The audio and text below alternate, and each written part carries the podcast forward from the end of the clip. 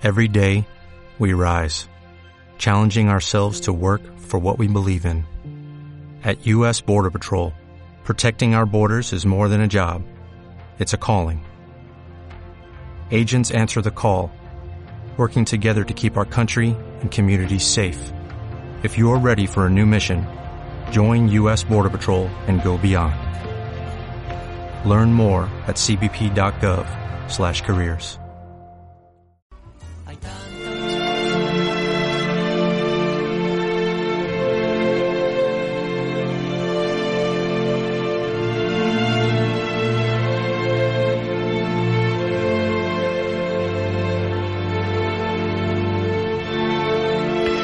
Ella és Susana Manrubia, que és doctora en física i investigadora del Consell Superior d'Investigacions Científiques en els, com deien, el Centre Nacional de Biotecnologia, on dirigeix el grup de sistemes evolutius.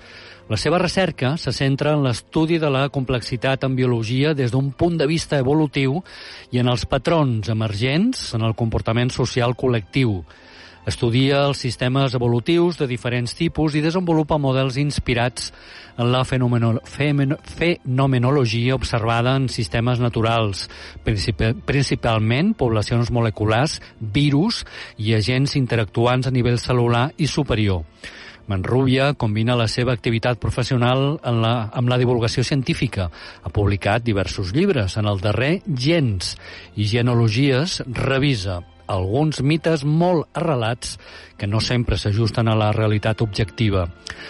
Com que ella ha treballat amb la modelització i anàlisi de la propagació dels virus i les epidèmies, avui li volem demanar sobre la predictibilitat de la pandèmia, els límits d'aquesta predictibilitat i de quina manera els canvis individuals i col·lectius poden ser determinants en la freqüència i intensitat dels futurs rebrots de la Covid-19.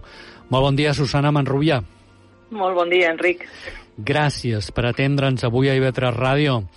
Ens pots contar un poc quina és la funció del Centre Nacional de Biotecnologia que imaginem que darrerament ha tingut que adaptar molts dels seus projectes a la crisi provocada per la pandèmia de la Covid-19, no és així?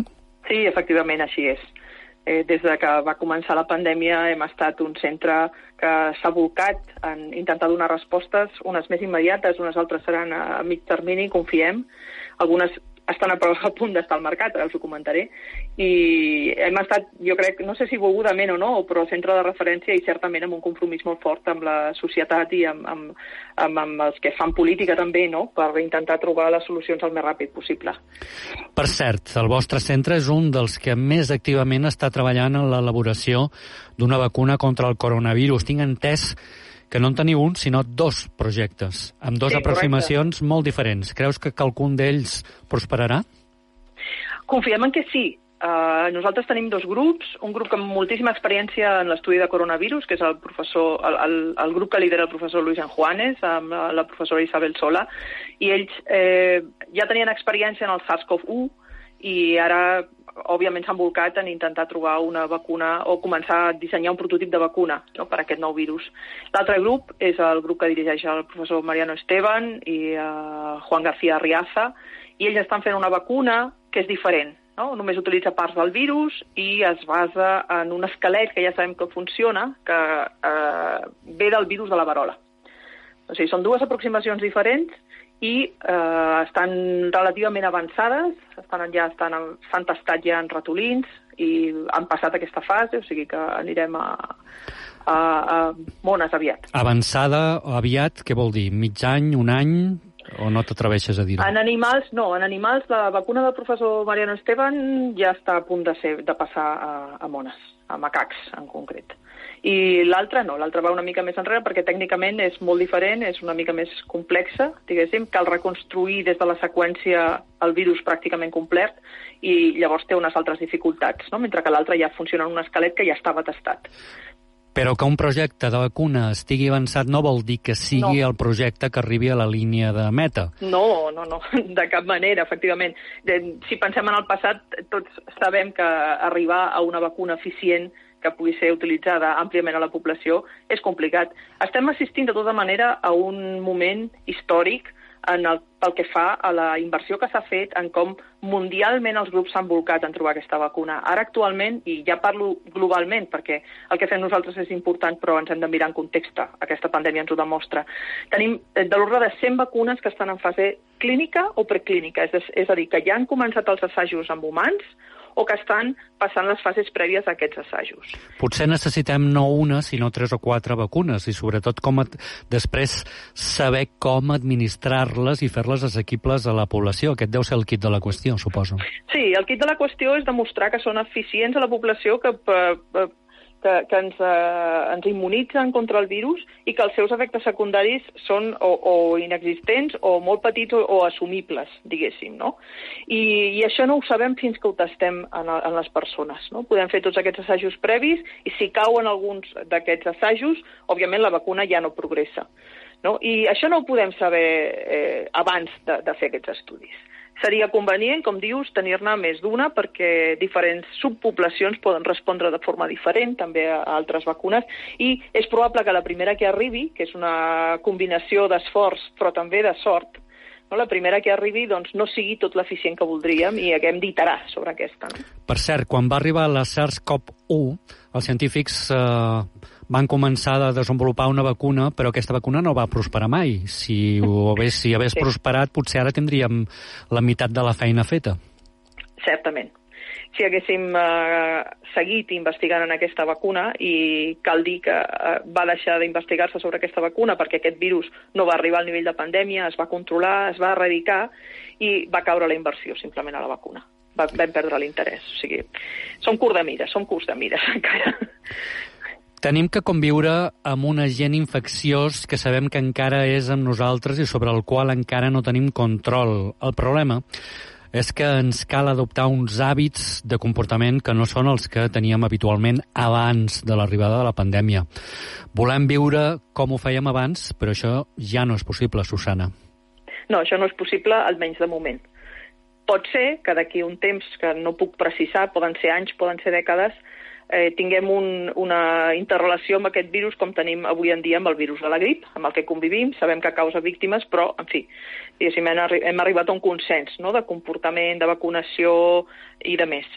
Uh, ara mateix això no és possible, això trigarà molt de temps en arribar, i el que hem de fer és posar totes les mesures que estan al nostre abast per impedir-ne la propagació.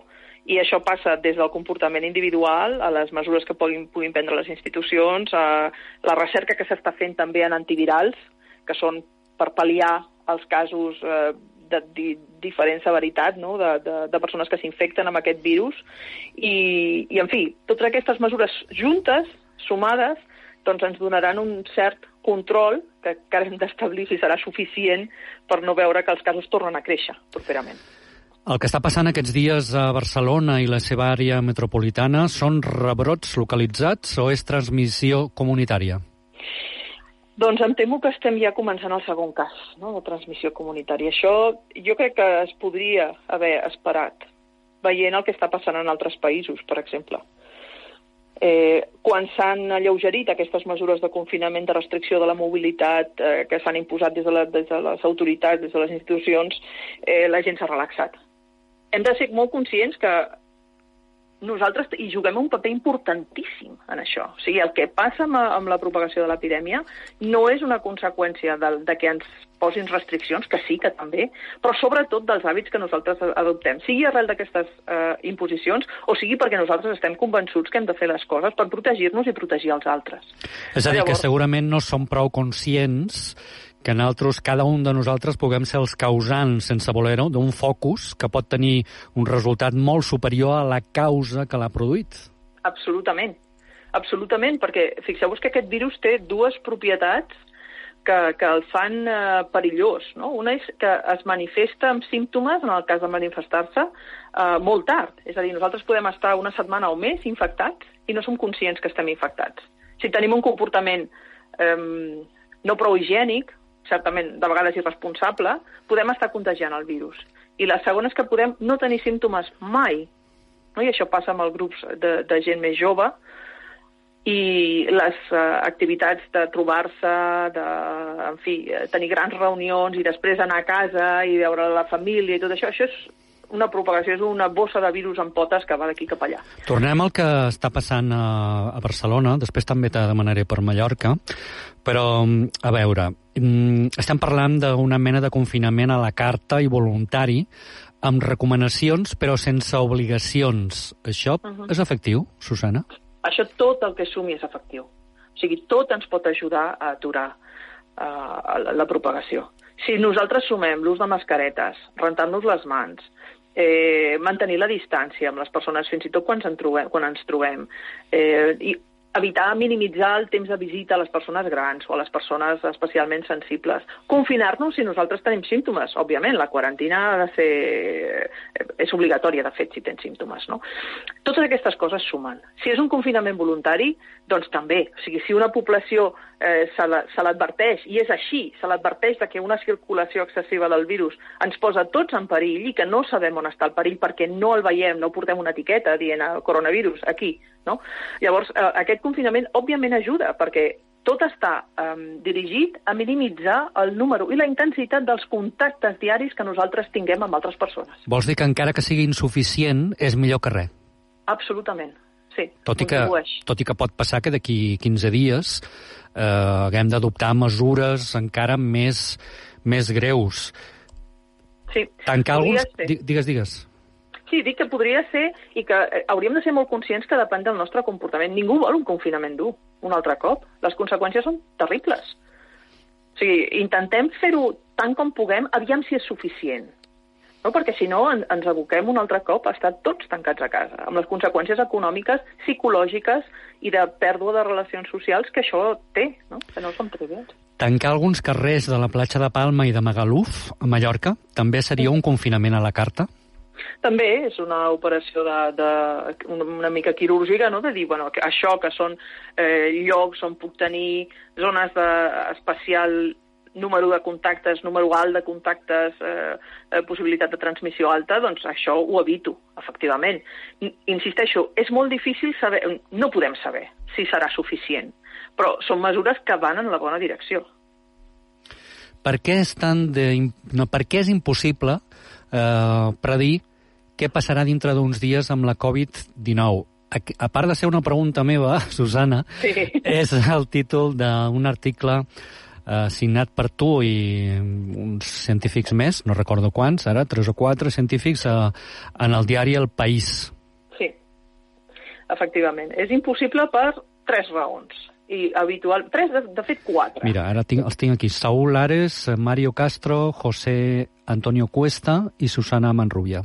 Correcte. Som, uh, en fi, som col·laboradors des de fa temps i ens vam unir per abordar aquest problema quan vam començar a tenir dades i vam començar a jugar, entre cometes, a, a, a predir què passarà demà. Deies tres no? motius pels quals és sí. molt difícil preveure la dinàmica de futur d'una epidèmia. Sí, tres motius, dos dels quals habitualment són els que eh, es diu que són els principals. Un és la qualitat de les dades que tenim per fer predicció. Òbviament ha sigut insuficient, és incomplerta, arriba tard, s'ha corregit a posteriori i això eh, fa impossible que un pugui eh, educar correctament els models, que són els que després ens donen les prediccions a futur. La segona és els models. Els models, òbviament, són models aproximats que no poden capturar tots els detalls de la realitat. Òbviament, són models informatius de forma estadística. És a dir, ens poden retornar percentatges de probabilitat de que succeeixi una cosa o l'altra, però mai certeses. I la tercera és eh, una mica més tècnica i és una impredictibilitat que és intrínseca. És el que mateix que passa amb el temps atmosfèric. Mm -hmm. Nosaltres podem dir d'aquí al proper cap de setmana plourà o no plourà, eh, i més enllà de les dades i més enllà de, del model que fem servir, hi ha una impredictibilitat intrínseca, que és, en el cas del temps atmosfèric, el caos, la, les propietats caòtiques de les equacions que el descriuen, i en el cas de les epidèmies, el fet que el, el procés, la natura del procés intrínsecament és exponencial. Una funció exponencial varia molt ràpidament i és molt sensible als paràmetres, amplifica molt ràpidament les diferències. Sobre el tema de les dades, que has posat com a una de les causes, també voldria recordar un interessantíssim article publicat eh, per Quico Llaneras, també sí. al diari El País, el passat 21 de juny, i que portava també un títol molt revelador. El títol era Los problemas de usar datos del siglo pasado para una pandemia del siglo, del siglo XX. eh, 21, perdó, per a una pandèmia del segle XXI. Sí on tu mateixa et queixaves de les dades, que les dades arribaven tard i malament i que un canvi de criteris en, en el sistema de recompte va, va provocar, entre cometes, la desaparició, la desaparició de 2.000 morts. Sí. Això ha creat una sensació d'escepticisme respecte a les xifres, no creus, Susana? Aquesta... Sí, jo crec que efectivament ha creat un escepticisme que va més enllà de que s'hagi intentat fer el millor possible. El que passa és que com que no teníem uns protocols establerts, no hi havia una forma de recol·lectar aquestes dades epidemiològiques en temps real, amb un seguiment precís, amb uns criteris. El que necessitem pels models és més important mantenir uns criteris que eh, fer-ho molt precís si ho has de corregir temps després. Saps? És a dir, dir mm. aquests símptomes de tal, faig o no faig prova, però sempre de la mateixa manera determino quines són les persones infectades. Recullo aquesta informació en temps real, la centralitzo en temps real i dono una, un detall local, no? per exemple, un detall per municipis, sense violar qüestions de privacitat, no? un detall per municipis. Hauria estat interessantíssim tenir una estratificació per edats. Això va arribar tardíssim. Per què? Perquè no estava implementat abans. Quan el virus va començar a la Xina, quasi tots varen pensar que era com una grip i que, com que estava molt lluny, no ens afectaria. La ciència és un sistema que s'autocorrigeix, eh, Susana? Sí, eh, que rectifica a si mateixa?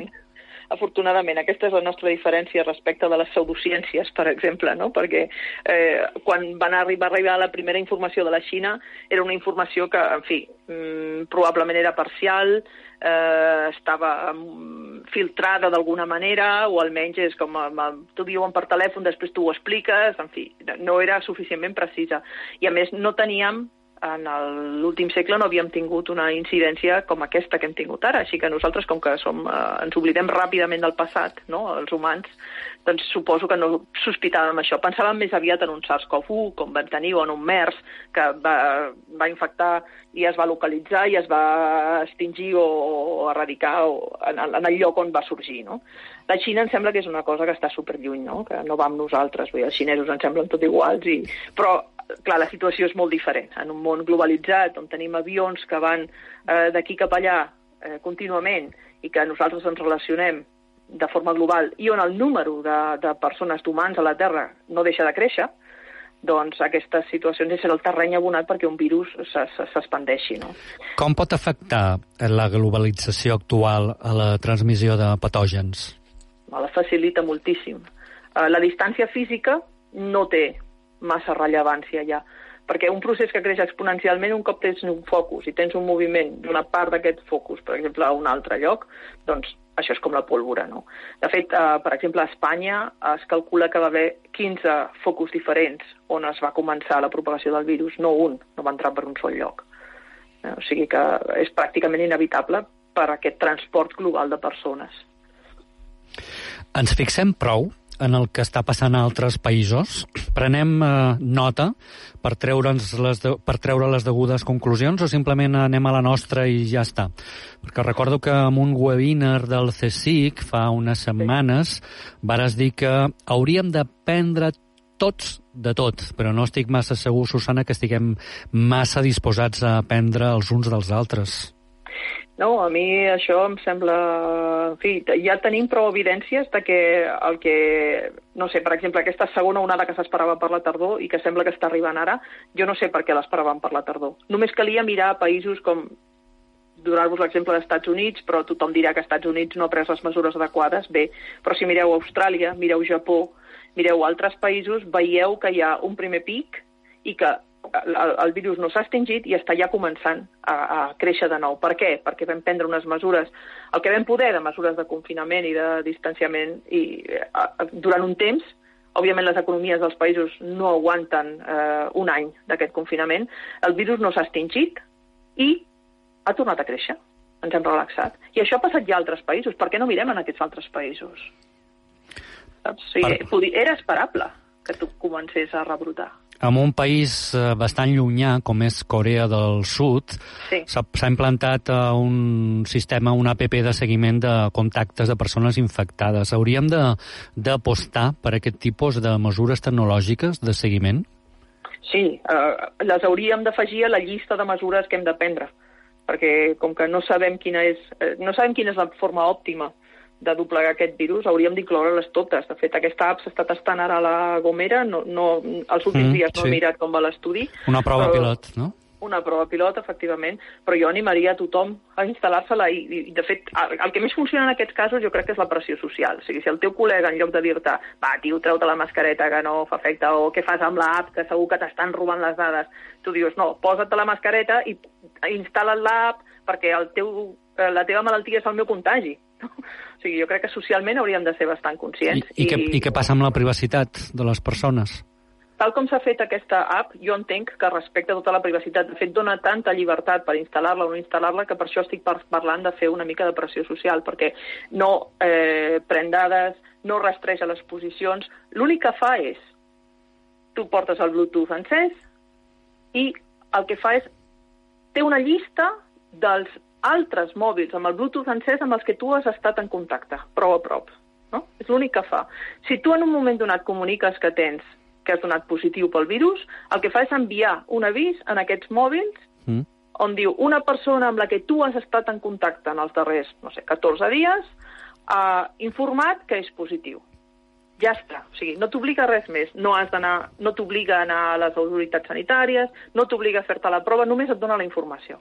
Susana, què més podem fer per ajudar entre tots eh, i fer que aquest sistema sanitari no sigui tan eh, vulnerable com s'ha demostrat els darrers mesos? Bueno, en fi, això ja també se n'ha parlat bastant, no? La, la sanitat eh, està, és un sistema bastant debilitat, igual que és el sistema científic, i fixem-nos en les pèrdues econòmiques que ha suposat aquesta pandèmia. Si haguéssim fet una inversió d'un percentatge bastant petit respecte de les pèrdues tant en sanitat com en ciència, estaríem molt millor preparats. No? Necessitem més sanitaris, necessitem eh, una, una comunicació més fluida també amb els científics que saben de dades, que saben de, de com gestionar aquestes dades, com interpretar-les, per tenir una... O sigui, per no tenir una desconfiança. Realment a nosaltres ens ha costat obtenir les dades. Per què ens ha costat obtenir les dades? Jo estic perfectament disposada a signar un acord de confidencialitat, però necessito les dades si vull dir alguna cosa fiable sobre el que passarà. I a nivell individual, que ens hem de cuidar més, em, supos que hem d'anar alerta, pues, de no constipar-nos o coses que abans pues, no teníem en compte pues, sí. simplement per no carregar més no, aquest sistema sanitari. Exacte. Sens dubte hem de fer més coses, hem de eh, en fi, prendre totes les mesures d'higiene i de distància que ens sigui possible prendre, i a més, una recomanació òbvia és que ens vacunem de la grip aquest any. No? Perquè els, els símptomes, quan deies abans que a la Xina semblava que era només una grip, per què? Perquè els símptomes es confonen. Eh, de fet, aquest virus ara té més símptomes que hem anat identificant a mesura que s'ha anat propagant i hem anat tastant més casos. Però molts dels símptomes són simplement esternudar, tossir, eh, problemes per respirar. Si nosaltres agafem una grip i tenim alguns d'aquests símptomes, aquest proper any immediatament pensarem que és el Covid. I potser no ho és. Llavors, si estem vacunats de la grip, el que fem és no carregar el sistema sanitari de eh, haver-nos de fer una prova extra o d'haver-nos d'atendre perquè tinguéssim problemes i fos una grip. No? O sigui, aquest, per aquest que sí tenim vacuna, Eh, utilitzem la vacuna i demanem a les nostres autoritats que tinguin prou dosi d'aquesta vacuna per atendre tota la població que vulgui aquest any vacunar-se si és que no ho fan, que ho haurien de fer, en la meva opinió, a un nivell més a l'engròs. No? Estem parlant amb Susana Manrubia, que és investigadora del CSIC en el Centre Nacional de Biotecnologia. Ens queden pocs minuts ja Eh, Susana, eh, te volia demanar com canviarà la percepció social de la ciència a partir, eh, a partir d'ara? Potser, eh, potser ja no us farem aquella pregunta que sempre us fem en els científics, no? I aquesta recerca per a què serveix? Quina, quina utilitat té? Tant de bo, tant de bo fos així, perquè eh, hem d'estar preparats a molts nivells. Això és com esperar terratrèmols, no? Una, una ha d'estar eh, les alertes, eh, la investigació, el coneixement ha d'estar tot arreu perquè no sabem per on sortiran les necessitats, però sabem que les necessitats com a societat, com a humanitat, les tindrem. Eh? Llavors, hauríem de ser una mica més eh, confiats o confiar en que fer créixer el nostre coneixement, fer créixer el, el coneixement de la natura, de la biologia, de com funciona el món, de les noves tecnologies, de nous materials, en fi, una amplitud enorme de coses, ens posarà en millors posicions per ser, eh, en fi, una societat que pugui sobreviure amb una qualitat de vida que és tot el que volem. No? Uh, Susana Manrubia ha vingut um, algunes vegades a Mallorca. Vull recordar la de l'any 2017, quan vas venir per commemorar els 10 anys de la creació de l'IFISC, l'Institut de Física Interdisciplinari i Sistemes Complexos, i en aquella ocasió va xerrar de la diferència de, entre gens i genealogia. Vaig aprendre moltes coses aquell dia, Susana. Per exemple, que les poblacions humanes presenten processos progressius de convergència i que apareixen ancestres cada vegada més semblants a mesura que ens remuntem en els arbres genealògics de cada persona. I record que vas posar un exemple molt bo que em va quedar molt gravat, que va ser d'Eduard III, el rei anglès. De, un dels reis més famosos, sí, de, sí, conegut com... per les seves gestes militars, no és vera? Sí, com, com que Gran Bretanya és una illa, eh, i en fi té una tradició gran de, de conèixer la seva història també de, de, de les persones i doncs ells han estimat que aproximadament el 80% de la població és descendent d'Eduard III, no? i aquesta era una de les coses que explicaven en base a, a aquest procés de, de coalescència dels arbres genealògics i de que al final doncs, ens semblem, en, en termes d'avantpassats, molt més del que pensem. No? No, no som tan particulars. És a dir, que ser rei no t'otorga cap... Eh cap segell especial des del punt de vista genètic? No, des del punt de vista genètic, òbviament no. De fet, en moltes ocasions sabem que ha sigut bastant delateri, perquè les pràctiques endogàmiques no són precisament eh, una cosa que es reflexi en la salut genètica de la població, no? Si voleu més informació sobre aquest tema, compreu el llibre de la Susana Manrubia, Gens i Genealogies, on revisa alguns mites molt arrelats que no sempre s'ajusten a la realitat. Per cert, aquest és el teu darrer llibre. En vindran d'altres en el futur? En vindran, en vindran. És, una, és un procés lent perquè la meva principal activitat és la investigació, però, però sí, en vindran. Estem preparant, de fet, un altre, ara que està gairebé acabat. També vas venir un altre a sobre? Sabem, podem saber el tema o no? Doncs sí, sí, és un, és un llibre que, de fet, una cosa que ens va preocupar i, i aquesta pandèmia demostra que és importantíssima és eh, la informació que té el públic general per entendre o per avaluar les afirmacions que es fan generals en ciència, en els medis, en pseudociència, no? Mm -hmm. eh, I el que volem és donar, no dir quina és la resposta correcta, mm -hmm. però que la gent quan s'enfronta a afirmacions del tipus eh, el, la tecnologia de, eh, no sé, de comunicacions és una conspiració per obtenir informació de tots els humans, sàpiga avaluar quin és eh, el valor d'aquesta afirmació, o quan li diuen la propera onada del virus serà l'octubre, que pensi per què m'ho estan dient això, no? I tenir les, les eines per reflexionar sobre això i prendre decisions pròpies sobre això. Que interessant, llibre... que interessant sí. aquest tema, de veritat. Uh, estarem atents, Susana. Uh, així que el facis públic. Aquest llibre serà aviat?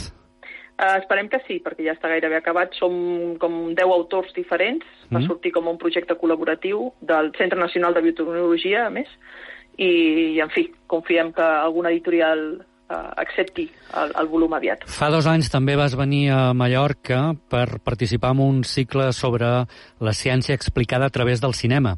I llavors vas donar una altra conferència al Caixa Fòrum eh, no sé si ho recordes, sí, sí. tantes pel·lícules que hem vist de ciència-ficció, que per cert ara parlarem, eh, tenim la secció dels cinetífics, ah, que, ens, que ens està esperant ara mateix amb Adrià Garcia, però tantes pel·lícules que hem vist de ciència-ficció i ara, Susana, és com si estiguéssim a dintre d'una d'aquestes pel·lícules, eh? Sí, sempre es queden curtes. A més, quan arriba la realitat, eh, eh, és una distòpia, absolutament. Jo he pensat molt aquests dies. Sí, no? que la, que que la realitat pandèmies... supera la ficció, sí, sí. vols dir? Absolutament. I, a més, no, és el, temps que hem, el poc temps que hem trigat en estar immersos en aquesta situació de pandèmia, no? de confinament, i que si ens ho haguéssim explicat al cinema hauríem dit quin horror. I mira, o sigui, que, que dòcils que som d'alguna manera no? per respondre ràpidament a aquestes amenaces. No? Vinga, doncs acabem amb la banda sonora de Gataka, aquesta pel·li... ah, meravellosa pel·lícula i, sí. i meravellosa banda sonora. I molt agraït, Susana Manrúbia, que ens hagis dedicat avui uns minutets a la ràdio pública de les Illes Balears. Sabeu que na Susana Manrúbia ens ha donat l'exclusiva que està a punt de presentar un llibre sobre tots aquests temes, alguns dels que hem parlat avui, i aquesta investigadora del Centre Nacional de Biotonologia. Moltíssimes gràcies. Moltes gràcies, Enric. Enhorabona pel programa i fins un altre. Molt amable.